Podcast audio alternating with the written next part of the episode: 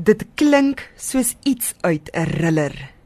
'n 26-jarige vrou wat vermoed 'n ooghaar irriteer haar oog, net om later 'n wurm van 1,27 cm onder haar ooglid uit te trek.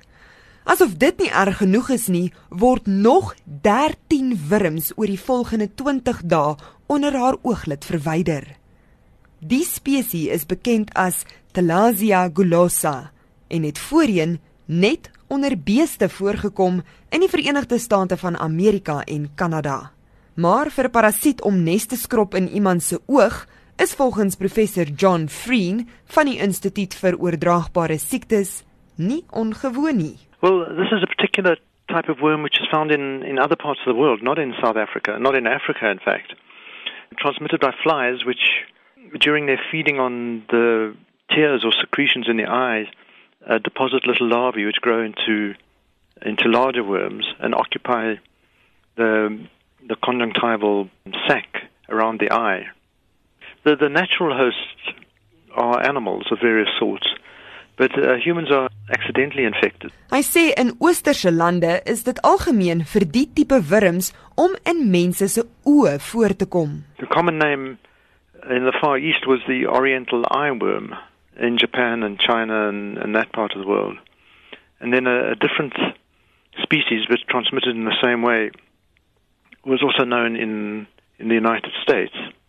And then this description here is of uh, another one found in the United States that normally um, uh, infects uh, cows, cattle, but um, again, obviously accidentally can infect humans, and this is the first uh, known case of that. Maar Suid-Afrikaners moenie te gerus wees nie. Hier op eie vasteland is daar ander spesies wat dalk jou oë kan teiken. All in all, if you count up all the different sorts of worms and arthropods, those are you know insects and things like that.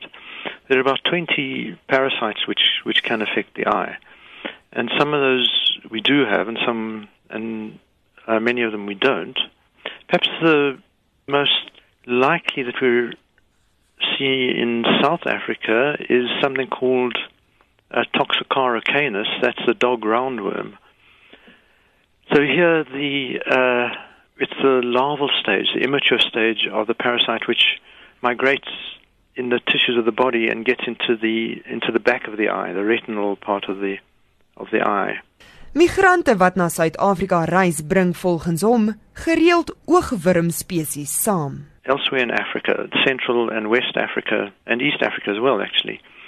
A different sort of worm um, called Loa Loa, or the African eye worm and this is a mosquito transmitted parasite uh, where the adults migrate around the body, but sometimes get into the get into the eye and travel across the surface of the eye, uh, which gives which freaks people out because you know it's it's alarming to see, but it doesn't really cause much. It doesn't cause permanent damage. It just causes a bit of local inflammation and uh, gives people a fright. Vriend sê die behandeling hang af van die tipe oogwurm. Soms word dit meganies verwyder. Met ander woorde, 'n mediese spesialis gryp die wurm en trek hom uit. Soms is ontwurming medikasie nodig en baie keer word steroïde voorgeskryf waar ontsteking voorkom. Laser word ook soms gebruik om van die ongenooide, kriewelende gaste ontslae te raak. Professor John Freen van die Instituut vir Oordraagbare Siektes.